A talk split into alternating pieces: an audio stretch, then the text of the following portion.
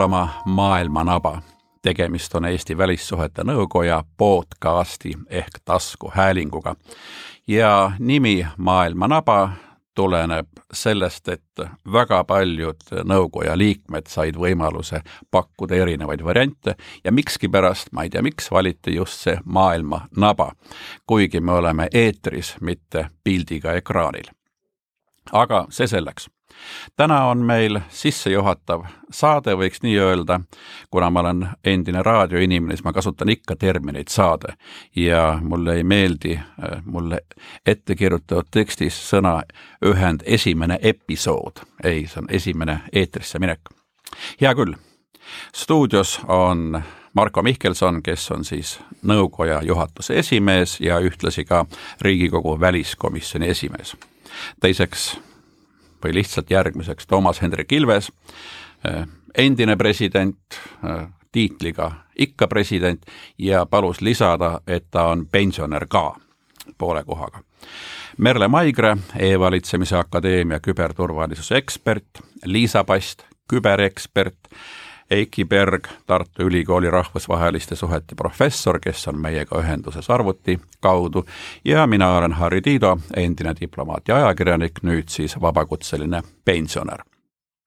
mul on tegelikult hakatuseks mitu küsimust. kõigepealt, miks see Välissuhete Nõukoda moodustati või algatati. küsin sellepärast, et tegelikult neid sarnaseid ühendusi on maailmas mujalgi. tänavu on muide sada aastat, kui ma ei eksi, Council on Foreign Relations ehk USA välissuhete nõukoja või õigemini nõukogu loomisest ja ma arvan, et Euroopa Council on Foreign Relations asutati vist kaks tuhat seitse või kuskil sealkandis, nii et ta on noorem. Meie nõukoda on siis praegu kõige noorem. kõigepealt, miks seda vaja oli ja ma küsin ka kohe, miks ma seda küsin. nimelt, meil on olemas Välispoliitika Instituut, meil on olemas RKK, Riigikaitseuuringute Keskus, milleks oli vaja veel ühte. ma ei tea, kes teist vastab, kes oli see, kes alguses tuli selle mõttega, ma ei tea, millise mõttega välja ma, ma võin alustada Toomas. siin, et uh, peaaegu üheaegselt tulime Markoga selle peale ja seotud ma, vähemalt minu poolt uh, sellega, et lugesin pikka artiklit sellest, kuidas USA Council on Foreign Relations tekkis sada aastat tagasi ja ja, ja kuidas see tekkis, on võib-olla hea selleks, et mõista, miks me seda tegime nimelt äh, pärast esimest maailmasõda, äh, kui siis äh, USA oli edukalt äh, aidanud luua siis Rahvaste Liigat, siis aga USA ise keeldus liitumast või senat lükkas selle tagasi, oli juba, see oli märk sellest, kuidas uuest lainest, mis, kus USA välispoliitikas, kus äh, see oli täielik isolatsionism, maailmast tagasitõmbumine, ühtlasi suur protektsionismi laine, äh, justkui USA oli olnud, ütleme, vabakaubanduse üheks äh, eestvedajaks. ja siis tulid kokku äh, vabatahtlikult nii-öelda vabakonnast inimesi nii majandusest, tööstusest, kaubandusest kui ka akadeemiast ja endised diplomaadid ütlesid, no no kui see läheb nõnda, meil on vaja mingi koht, kus me saame omavahel arutada sellist välispoliitikat, mis noh, on maailmaga seotud, mitte ära lõigatud ja siis loodigi sada aastat tagasi ja selle noh, see Ameerika Council on Foreign Relations. ja vähemalt enda puhul olen ma ammu-ammu arvanud, et meil oleks vaja mingi selline noh, kodanikuühiskonna poolne äh, noh, ma ei tea, mingi seltsing, kus arutada. et kõik need sinu poolt, Harri, varem nimetatud asutused on kõik ju riiklikud, ühel või teisel viisil riiklikult finantseeritud. Äh, nad on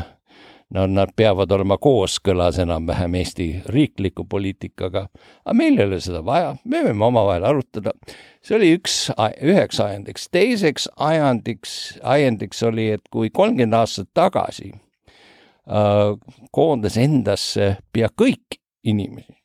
kes on, kes oli üldse huvitatud välispoliitikast, tähendab lihtsalt oli Välisministeerium ja siis pärast tekkisid veel mõned riiklikud noh, asutused aga kui me vaatame ringi praegu, meil Eesti on täis inimesi, kes ja ka mitte ainult Eesti, vaid väljaspool on ka eesti rahvusest eesti keelt kõnelevad inimesed, kellel on kas akadeemilised või oma, oma äri või oma IT-ettevõtte tõttu väga suur huvi välispoliitika vastu, kuna see kõik mõjutab meid. nii et ähm, siis, äh, siis ma mõtlesin, okei okay,, no nii palju inimesi on, teeks midagi ja see on põhiliselt see, tüüpiline omaalgatuslik äh, vabakonna tegevus, ainult et see on spetsiifilisel alal ehk siis välis- ja julgeolekupoliitika ja siit võtab meie auväärt esimees äh, üle minu käest Toomas, et kui no kõik päris ausalt ära rääkida, et siis tegelikult tõesti. kas ma valetasin? ei äh, aga mõned sellised head nüansid, mis, mis ikkagi räägivad ka sellest, eks me ikkagi natuke algul kõhklesime ka, et päris nagu täna tundub, et et see, see oli nagu valmis küpsetatud kook, mille me ahjust välja võtsime, aga aga kui detsembri alguses me omavahel nagu kahekesi esimest korda nagu neid mõtteid vahetasime ja ja, ja tuvastasime, et me olime just noh, umbes samal hetkel mõelnud samale asjale, olgugi et ilmselt kandnud endas nagu pikema aja jooksul seda mõtet. meil oli üks ajend ka muide, aga me võime seda mainida pärast. jah, aga, aga, aga siis noh, minus, minus on ka olnud nagu aegade jooksul siin viimaste aastate jooksul vähemalt seda, et ma tunnen puudu, et puudust sellest, et Lennart Meri konverents on meil üks kord aastas ära, kusagil seal mais-juunis mis loob nagu väga mõnusa feeling'u väga paljudele jah, ja just ka erinevalt elualadelt kokku tulnud inimestele, kes, kes saavad nagu selle mõnusa välispoliitilise intellig-, intelligentse kahepäevase noh, sellise hea, hea mõnusa süsti energialaksu aastaks siin Eestis, aga et ei ole kohta, kus kohas kokku tulla ja pidevalt maailmas toimuvaid sündmusi omavahel nagu eesti keeles muuhulgas ka siis arutada ja analüüsida ja, ja, ja, ja ise targemaks saada, sest kogemust on tõesti ju kolmekümne aastaga palju tekkinud. Ja siis, kui me algul Toomas sinuga arutasime, et et mis oleks, kui teeks sellesama CFR-i äh, näitel Eestis midagi sarnast siis äh, ma arvan, et me mõlemad olid natuke nagu kõhklevad, et aga kes tuleks kaasa või et kas, kas oleks neid, kes nagu ütleks, et jah, et veel midagi sellist oleks vaja, sest et kohe tekkis täpselt sama küsimus nagu Harri Sulgi, aga miks siis veel oleks vaja, kui meil juba on olemas RKK või Välispoliitika Instituut. aga just selleks ongi vaja ja nagu, nagu nüüd on aeg näidanud, et inimesed vajavad mitte seda, et me istume laua taha ja hakkame analüüse kirjutama ja tegema kohe poliitikasoovitusi ja, ja olema maailma kõige targemad, aga vastupidi, et sedasama kogemust ja huvi maailma vastu omavahel nagu läbi ekseldada. ja kui me sellega nagu tulime, nii-öelda läksime esimeste inimeste juurde, keda, keda siis, kellele tutvustasime seda mõtet, siis ma ütleks niiviisi, et et, et, et, et kõigil oli nagu kohe oli paar küsimust, aga kohe oli näpp püsti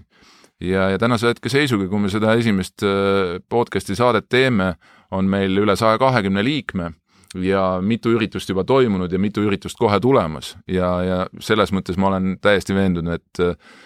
et miskit on siia, mingi asja me oleme ikkagi nagu käima lükanud küll praegu.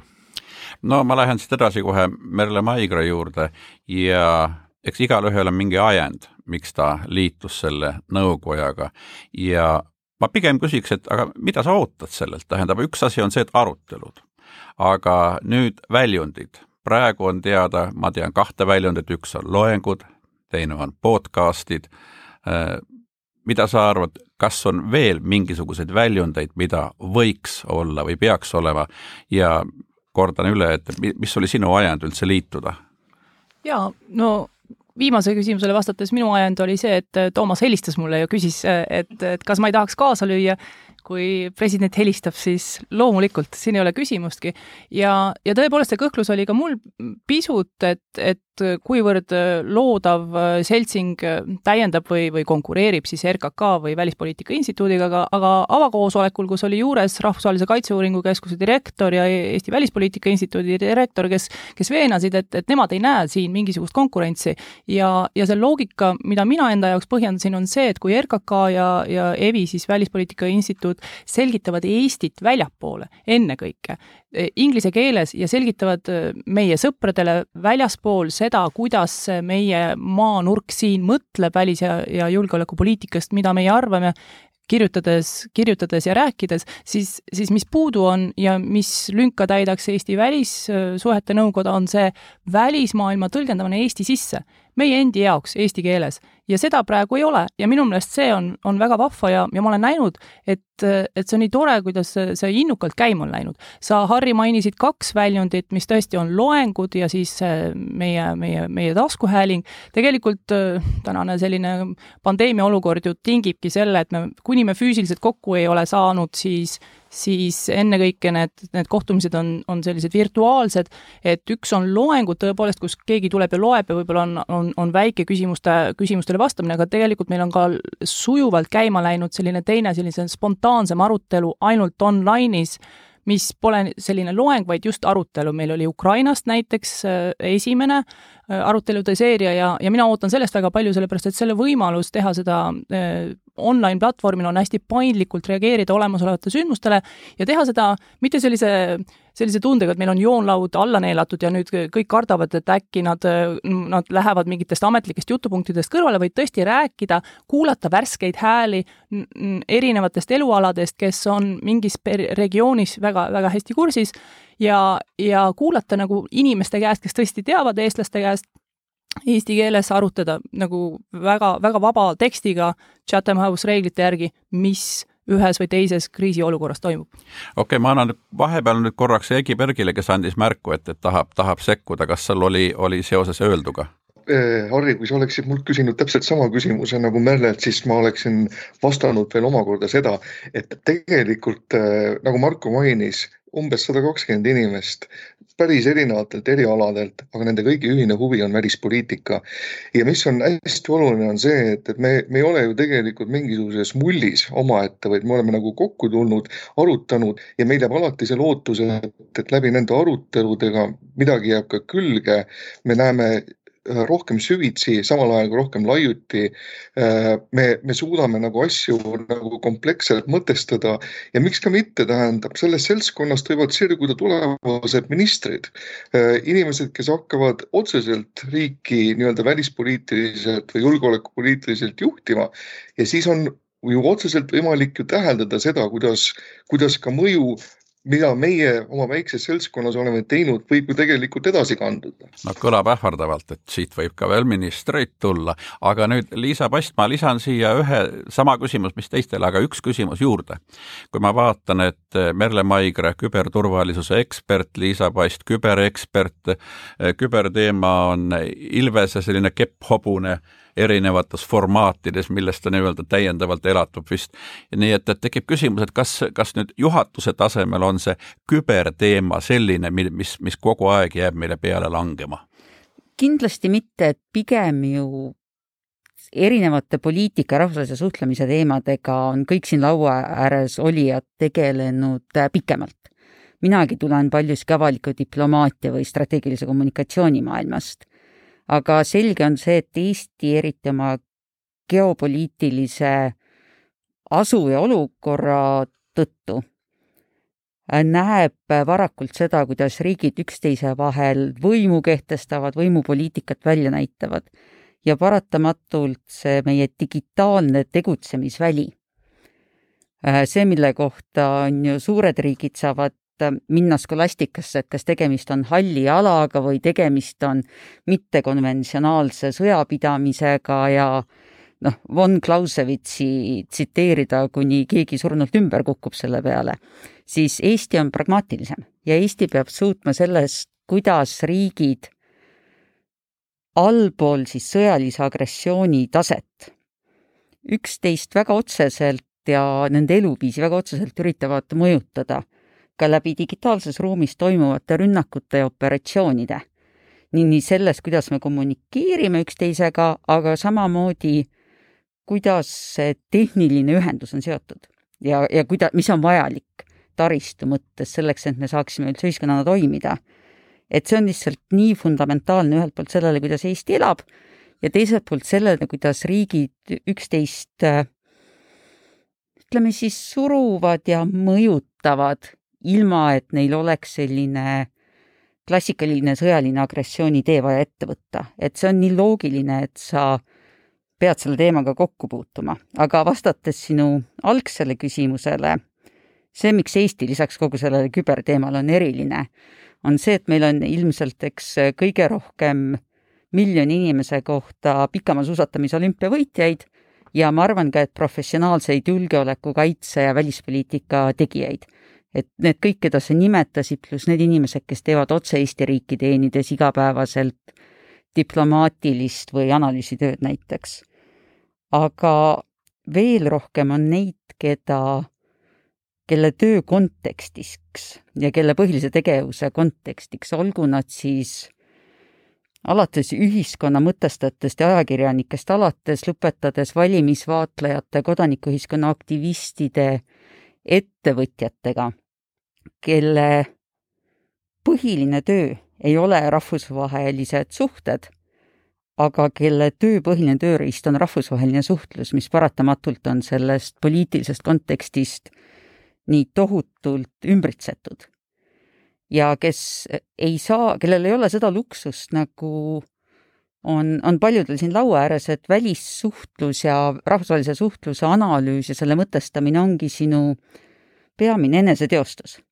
Vaid kes peavad aru saama sellest kontekstist, soovivad aru saada sellest kontekstist intelligentselt arutleda selle konteksti üle, selleks et tõesti kas valimisi vaadelda, teha tehnilist välisabi, et suhelda ettevõtjana või suhelda erasektori töötajana. ja nende inimeste jaoks on, ja ma arvan, et see selline sild nende vahel, kes on professionaalsed välispoliitika, kes saavad palka välispoliitika eest ja kes välispoliitikat mõtestavad selleks, et oma igapäevast eneseteotust teha, on nii oluline. ja minu jaoks see meie pisikene algatus siis saja kahekümne inimesega on ennekõike see koht, kus mitte ei imetle seda probleemi, et keegi võiks mõtestada või imetle seda probleemi, et välispoliitika analüüs on lahmiv, vaid tasakesi modelleeritakse ette seda, kuidas kaasab välispoliitikast rääkida. Ja kuivõrd on, paljud need formaadid on sellised omavahelised, siis saabki rääkida otse, saadki kuulda noh, et mis, mis Ukrainas toimub ja mis see, mis see kukla tunne koha peal on? No siin oli vahepeal massiliselt näppe üleval, kuna Markol oli näppe rohkem käepärast, siis kõigepealt lühidalt Marko ja siis lühidalt Toomas. ma arvan, et Liisa ütles nii ilusti kõik ära, et miks me oleme, oleme olemas ja miks tõesti sellest hetkest, kui kahekümne neljandal veebruaril me avalikuks tulime et kolmkümmend asutajaliiget äh, teatasid, et nüüd on selline asi olemas nagu Eesti Välissuhete Nõukoda ja kõik ärksad kodanikud, äh, keda huvitab maailm ja kellele läheb põnevalt korda sellest maailmast äh, nagu arusaamine või või, või, või selle arusaamise otsimine või konteksti panemine, nagu, nagu sa kirjutasid, kirjeldasid, siis tõesti, ausalt öeldes ei olnud noh, e, ma ei uskunud, et me nii kiiresti nagu jõuame sellise numbrini, esiteks nagu sada kakskümmend ja pluss ja, ja liikmeid tuleb juurde, ja teiseks see, et kui sa siin tõ tõid mängu selle noh, nii-öelda küber- või tegelikult digiajastu konteksti, siis kaks asja, esiteks ma arvan, et üks, mis nagu soodustas meil selle, selle kiiret teket, äh, on pandeemia, kus me kõik istume kuskil oma, oma nurkades ja ei, ja ei noh, neid suhtlemisvariante muidugi on, aga ausalt öeldes Lennart Meri juba teist korda järjest lükatakse edasi ja nii edasi, see ilmselt soodustab. Ja teine see, et tegelikult äh, meil on ju võimalik ka nendele aruteludele, tuua inimesed, noh, Eiki istub ka kuskil seal, kus sa istud, kuskil Tartu kandis praegu, eks ju? ei ole, ma olen kolmkümmend kilomeetrit Läti piirist. no näed, veel, veel, veel kaugemal. aga kui me Ukraina arutelu pidasime, siis äh, Mati oli Kiievis, Jaanika oli Kiievis, eks ju, Kaimo oli Kiievis. selleks ei pea kohale tulema, samas on meil liikmeid, näiteks tänagi kuulsin, et meiega liitub väga aktiivseid eestlasi Torontost, ja, ja, ja muudest kohtadest, Riina Gionka, eks ju, Johannesburgist ja nii edasi ja nii edasi, et tegelikult nii täna kui ka järgmine äh, noh, pandeemia järgselt kindlasti ka seesama uus reaalsus annab meile võimaluse selle paindlikkuse tekitamiseks ja inimeste toomiseks, sõltumata sellest arutellu, et kas nad on Eestis või ei ole Eestis. no see oli nüüd Riigikogu liikme arusaam lühikesest märkusest, aga Toomas jah, ma tänan, ma ei öelnud, ma, et see on lühike, ma ei, aga igatahes ma proovin olla. et äh, mis on, äh, ühest asjast peame aru saama, on see, et on äh, nii nagu täna Ameerika Ühendriikides või Saksamaal äh, võõrkeele oskus on nagu, kuulub nagu väiksele grupile, ülejäänud ei oska. Äh, välispoliit-, tähendab, aga Eestis ja teises, teistes väike, väikeriikides inimesed oskavad sageli väga palju keeli. sama asi on, et see tuleb sellest, et me oleme ümbritsetud maailmas ja mõjutatud palju rohkem kui mingi suvaline ameeriklane ja vähemalt ma võin enda puhul öelda ja noh, minu vanuselise Harri Tiido puhul ma ei oska öelda, aga igatahes üks asi, mis tõmbas mind väga varakult juba seitsmeaastaselt välispoliitika juurde, miks kurat olen ma Ameerikas, kui ma räägin eesti keelt kodus. tähendab, et välispoliitika mõjutab meid palju rohkem kui keskmist äh, äh, suurriigi kodanikku ja ja kuna me oleme väike riik, me peame suhtlema väga palju teiste riikidega, mitte ainult oskama keeli, aga tundma huvi selle vastu, mis seal toimub, et üldse kas või oma äri ajada või midagi muud teha seal väljaspool oma riiki. ja seetõttu meil on väga palju välispoliitikaga tegelevaid inimesi ja mitte ainult Eestis, vaid üle maailma ja ma imestasin palju välispoliitika alal või julgeolekupoliitika professorid meil ainuüksi on väljaspool Eestit Eestit. Ähm, ja seetõttu noh, kui see, kui see on selline grupp olemas üle maailma, niisugune globaalne välispoliitiline eestlus, no siis saaks kokku ja arutaks ja nüüd me saame seda teha noh, olles Toomasest kolm kuud vanem, võin ma öelda, et mind seitsmeaastaselt sellised mured ei vaevanud. aga mul on küsimus Eiki Bergile. Äh, sa oled äh, ülikooli professor tähendab, õpetada rahvusvahelisi suhteid. kas sa arvad, et sul võiks näiteks õppetöö vormis või ühesõnaga, kas olla sisendit selles mõttes, et pakkuda välja teemasid, mida peaks, võiks arutada või teistpidi, kas nendest aruteludest oleks sinu tudengitele või ka sinu teadustöötajatele mingit kasu? ma arvan, et, et nii ühte kui teistpidi on see, on see väga oluline, sellepärast et noh, nagu enne, eelnevalt sai nagu mainitud, võimaldab selline koostöövorm tegelikult kokku tuua ju väga erinevate arusaamade ja vaadetega inimesi. et äh, praegune, noh, minu jaoks on väga palju asju siin uut, et äh, kasvõi see, see, kuidas me diskuteerime, arutleme välispoliitiliste sündmuste üle ja, ja kus on võimalik näha, näha seda, kuidas igaüks oma mätta otsast üritab oma parimat teadmist edastada ja see parim teadmine võib tähendada mingisugust üsnagi praktilist kogemust, võib tähendada äh, võib-olla juurdepääsu infoallikatele, mida võib-olla tavalised inimesed nii, nii lihtsalt ei, ei oma. või siis äh, teisalt äh, mina, kui ma akadeemilise poole pealt tulen, suudan võib-olla seda asja võib-olla laiemasse raami lükata ja,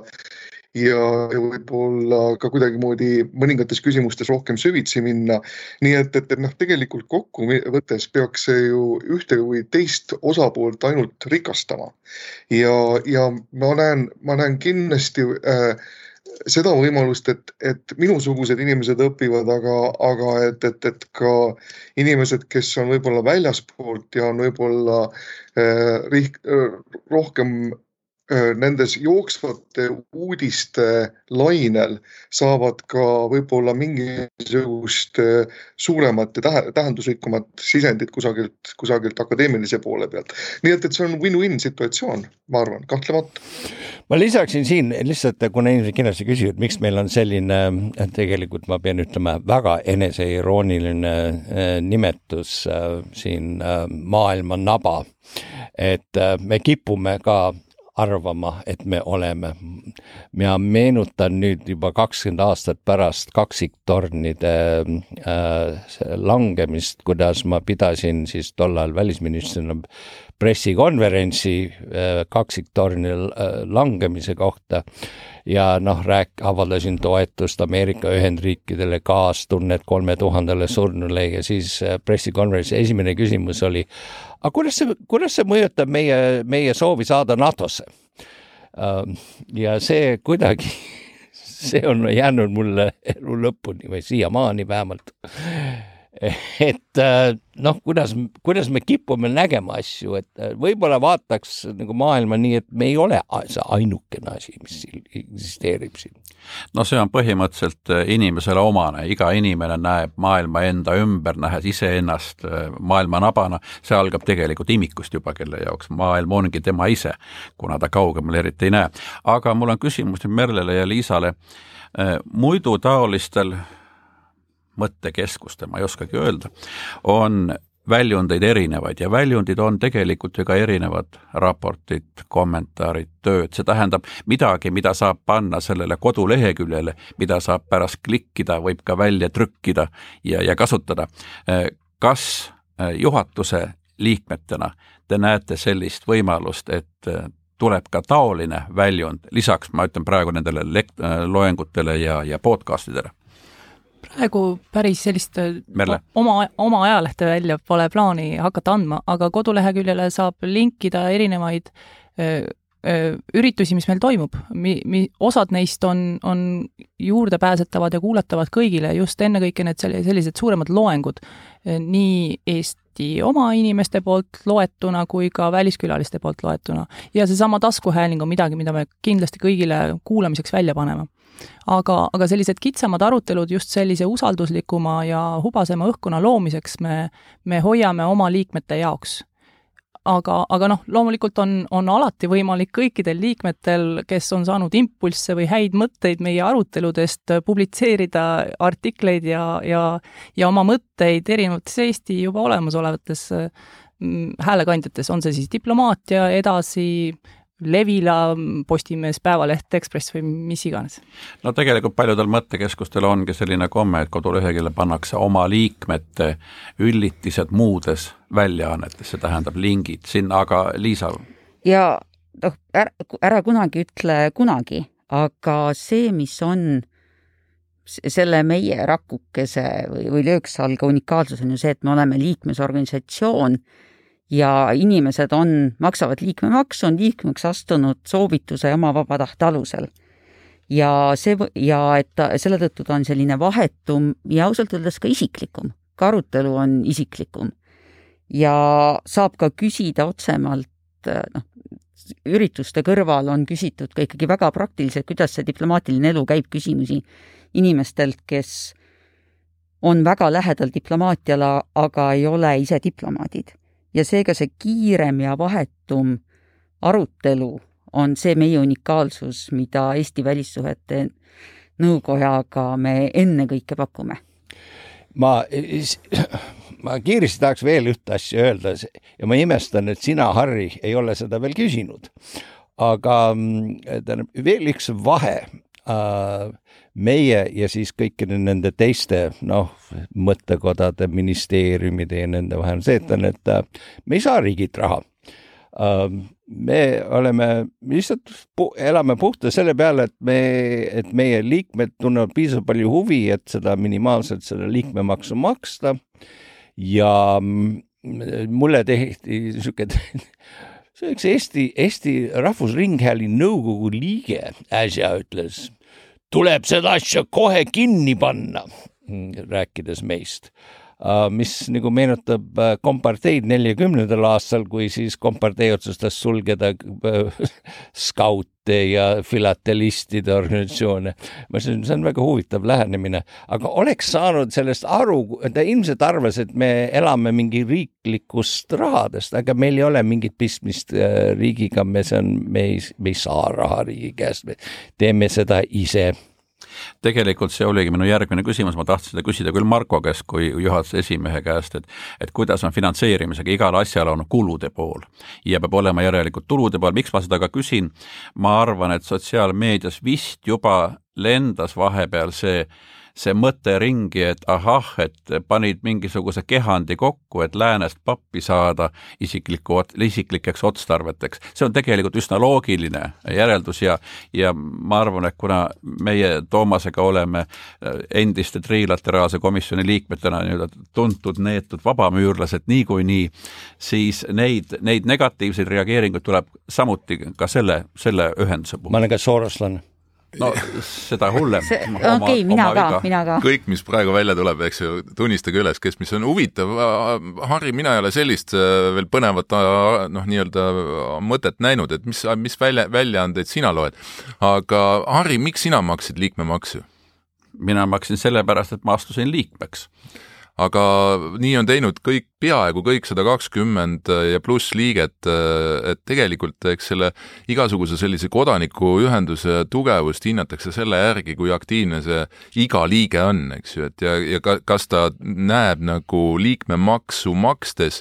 äh, sellest iseendale mingit äh, kasu tõusvat, noh, intellektuaalselt põnevat äh, osalust ja nii edasi, ma arvan, et tegelikult noh, mulle küll tundub, vaielge vastu või kiitke heaks, aga igal juhul need kaks asja, mis meil juba on olnud selle lühikese ajaga, äh, Toomas avaloeng ja, ja siis Ukraina arutelu ju kohe-kohe äh, mõne päeva pärast tuleb Hiina debatt ja sinna otsa Eiki juhitav äh, Türgi debatt, et tegelikult meil on igal üritusel olnud ju üle seitsmekümne kuulaja, osaleja,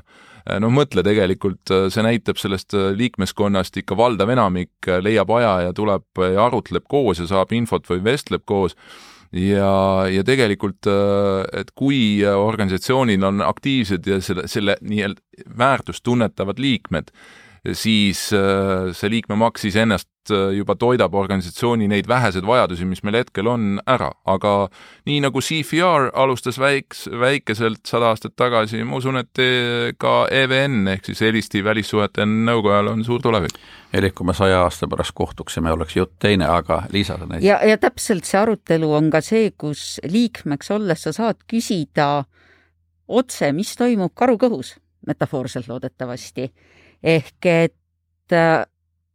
ka liikmeid ja, ja potentsiaalseid liikmeid me kindlasti kutsume väga üles esitamagi küsimusi, et kas see on siis Ukraina või Türgi, mis meil on teemades, tehnoloogia, mis tuleb aruteluna varsti, aga samamoodi sellised suured globaalsed nähtused, mille pärast sa ühelgi päeval kõige rohkem ei muretse,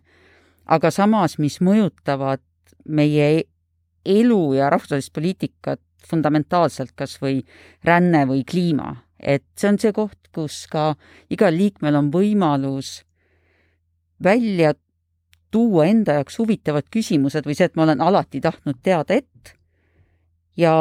ülejäänud liikmete hulgas või meie kontaktivõrgustikus on ilmselt maailma tasemel ja võib-olla ka eesti keelt rääkivad eksperdid sellel teemal.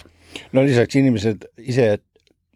soovitavad teemasid, tahaks, oleks tore, kui tuleks arutelu sel teemal, siis ma ütlen, no okei okay,, mõtleme, keda me saame tõmmata ja teeme ära.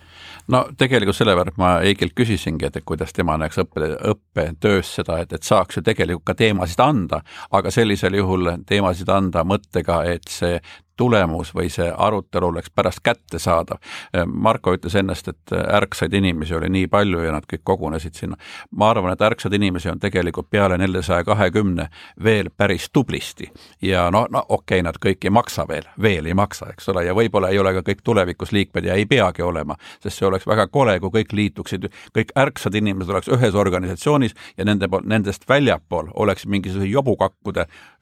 koloonia. Nii et aga no Merle... see oli üks põhjus võib-olla, miks me tulimegi kokku mis äh, haakub äh, sinu küsimusega Eikile, on see, et, et meie hulgas juba on äh, Tartu Ülikooli rahvusvahelise suhete ringi inimesi ja meil on tudengitele mm, allahindlus selles suhtes, et on mõistetav, et et noored inimesed, kellel püsivat sissetulekut ei ole, ei, ei saa nii suurt, nii suurt liikmemaksu maksta, nii no, et, et meil ei ole nii suur ka. no ta ei olegi nii suur, aga tudengitele on pool pool, nagu pensionäridel. ma hakkasin mõtlema nagu, et ja, ja et, et, et on väiksem ja selles suhtes noh, et, et loomulikult saavad, saavad tulla ja, ja är, ärksad inimesed on jätkuvalt teretulnud meie liikmeks, meiega, meiega veel liituma ka, et, et sada kakskümmend ei ole ülempiir. ja siin on väike reklaamiplaus, et äh, olge head, kes te kuulate, võtke lahti äh, siis kodulehekülg www.evn.ee tutvuge, seal saate ka, kui tahate teha liitumisavalduse, vaja ainult kahte soovitajat ja siis juhatus teeb otsuse. aga igal juhul, nagu Harri, sa mainisid, kindlasti no meie eesmärk ei ole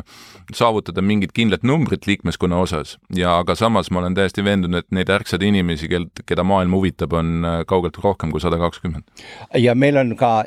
meil on ka niisugune kindel kvaliteedimärk olemas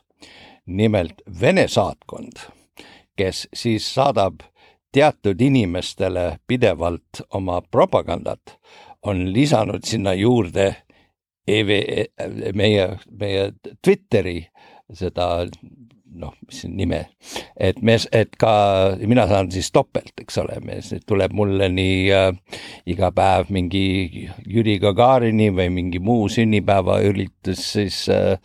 at Rus MS-t ja siis mul tuleb, siis tuleb ka EVN-ile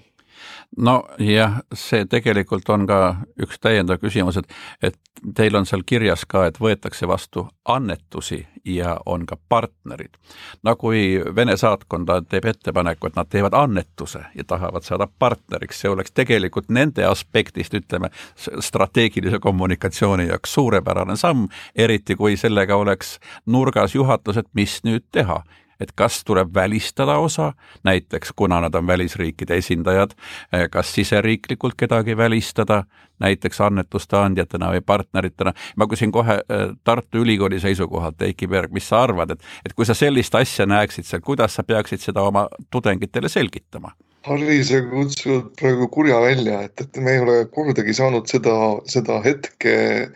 nautida, et, et, et arutleda omavahel, et mis siis saaks juhul, kui sellised annetused peaksid tulema kusagilt. aga, aga kindlasti see teeb ettevaatlikuks ja ma arvan, et, et ega, ega esimene reaktsioon oleks, et, tänan ei.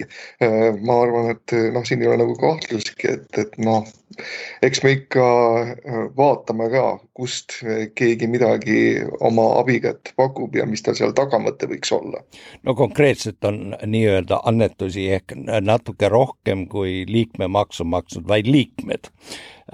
ja, ja see, see, see soovitus, see, see, et me võtame vastu liikmed, ongi mõeldud selleks, et välistada kummalisi inimesi, kes tahaksid. aga Toomas, ma tegelikult parandan sind. jah, liikmed on teinud annetusi lisaks liikmemaksudele, aga mis on tore, et tegelikult meie tegevust on toetanud ka täiesti äh, äh inimesed, kes ei ole liitunud meiega, võib-olla isegi ei kavatse liituda, aga näevad vajalikuna, et Eesti Välissuhete Nõukoda olemas oleks aga ma arvan, et need annetused peaksid olema avalikud ja kodulehel nähtavad, vastasel korral tekib kohe nii-öelda küsimärk. ja, ja järelikult see tähendab ka seda, et need, kes annetavad, peavad olema teadlikud, et nende annetus on avalik või Liisa Past seal nagu strateegilise kommunikatsiooni alal töötab? no lõpuks meie eesmärk on ju kvaliteetne arutelu ja arutelu põhineb mingil jagatud baasväärtusruumil ja küsimus ei ole mitte selles, et kõige osas nõus, aga laias laastus, et sa arvad, et noh, mingil korral põhinev ja rahvusvahelisel õigusel põhinev rahvusvaheline ruum on pigem nagu hea mõte ja õigusriik on pigem nagu mõistlik viis ühiskonna elu korraldada. ja eks see sinu küsimus on see, mida küsitakse sageli tõesti suhtekorraldajatelt ja advokaatidelt, et noh, et kas sa esindaksid Vladimir Putinit kliendina ja minu vastus on, et jah, aga ma esindan ainult äh, kliente oma, oma eelmises elus siis suhtekorraldajana, kes võtavad mind strateegilise partnerina ja kuulavad mu nõuannet. ja kui minu nõuanne autokraadile on, et äkki võiks lõpetada despoot olemise ja mitte tappa poliitilist opositsiooni, ja ta seda kuulda võtab, siis ma loomulikult temaga vestlen ja töötan temaga. aga kui see ei ole nagu reaalne, siis ka see diskussiooni koht on väiksem. Tegelikult selle nõukoja väljundist mõned mõtted. praegu on nii, et, et see on nagu omavaheline arutelu koht. ütleme nii, et podcast'id eeldatavalt lähevad laiemasse tarbesse, see tähendab, neid on võimalik kuulata ka nendel, kes ei ole liikmed. tegelikult äh, nüüd sõltubki eesmärgist. kui näiteks võtame ühe teema, mis on Eesti välispoliitikas, no ütleme, et lahendust otsiv või seni lahendamata. Kui see käiakse mõtterünnaku vormis läbi, aga ainult omade vahel, siis on selle mõju piiratud, sest väljundit ei ole väljundit ei ole, mida saaks näiteks välispoliitika kujundajad, tegijad kasutada. nüüd on, kuidas te selle dilemma, kõigepealt Marko, siis Eiki? jaa, see on väga, väga lihtne vastata tegelikult ja iseenesest Eiki äh, sellele päris alguses äh, ka vastas. et mõte ongi ju selles, et see arutelu, kui me kokku oleme tulnud, näiteks kui me rääkisime Ukrainast, siis äh, meil on suursaadik rääkis, meil rääkis äh, Euroopa Liidu suursaadik, kõik eestlased, eks ju, samas kuulajaid väga erineva kogemusega majandusest, ettevõtlusest äh, kuni tõesti kodanikuaktivismini välja. Ja igalühel on oma panus anda sellesse noh, nii-öelda mõttearendusse, vestlusse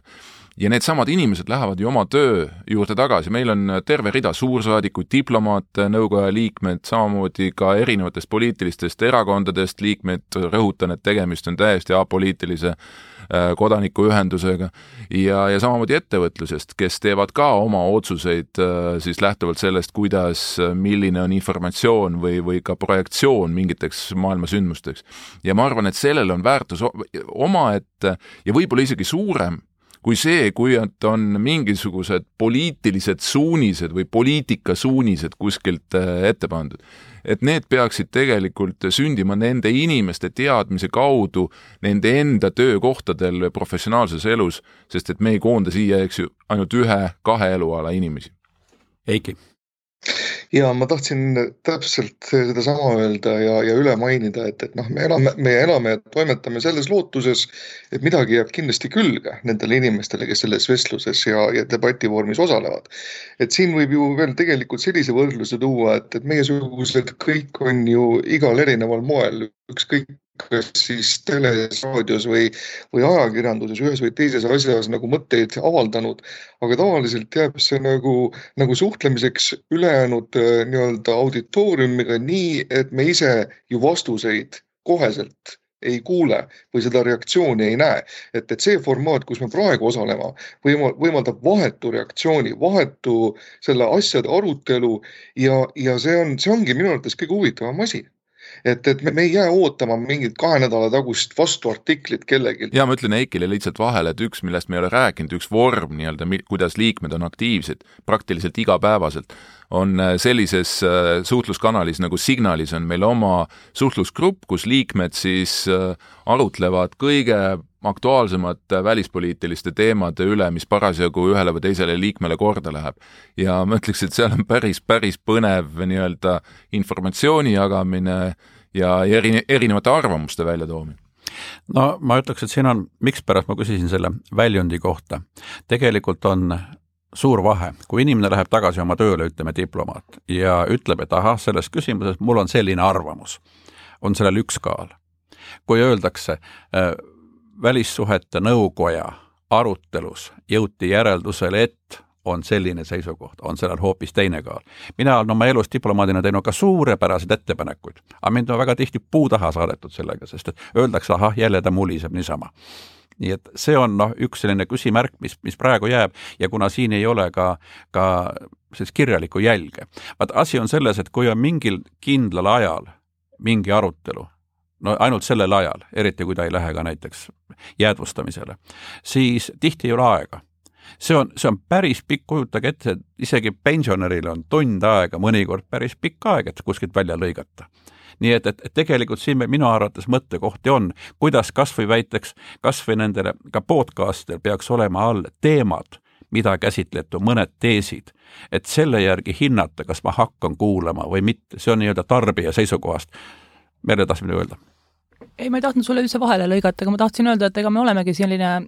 ise tegijad, ise arenejad ja, ja su mõtted on, on väga õiged ja head ja selles suhtes, et noh, et, et see, kuidas me täna oleme teinud, see, see ei tähenda, et, et, et see ei võiks muutuda. ja siin ongi tõesti see küsimuse koht ka meie jaoks, tasakaalu otsimise koht ühest küljest, kuidas hoida neid arutelusid nõnda usalduslikuna, et nad, et need, kes, kes oma mõtteid välja ütlevad, ei peaks kartma, et nad selle eest kuskilt Äh, karistada saavad, kui need, kui need lekivad, ütleme, ebakonventsionaalselt ja lahtise tekstiga oma, oma tööst rääkida. ja teisalt jälle, jälle see, mida sina ütled, et ka nagu ka avalikkus sellest, sellest meie vilkast ja, ja põnevast aruteludest kuidagi rohkem osa saaks. üks variant on võib-olla kas just kirja panna, siin, siin minus tekitab see kõhklusi sellepärast, et me kõik ju teeme seda oma vaba aja arvelt ja, ja see on selline vabatahtlik tegevus, et, et kust see aeg võtta, et, et neid mõtteid veel, veel kirja panna ja neid publitseerida, aga on muidugi võimalik neid, neid arutelusid lindistada ja, ja neid üles riputada, nagu tänasel ajal väga, väga moodne on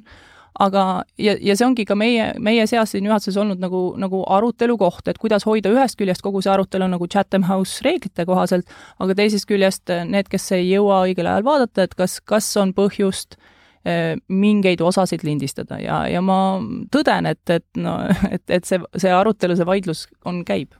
no paar asja, esiteks see, et tähendab, äh,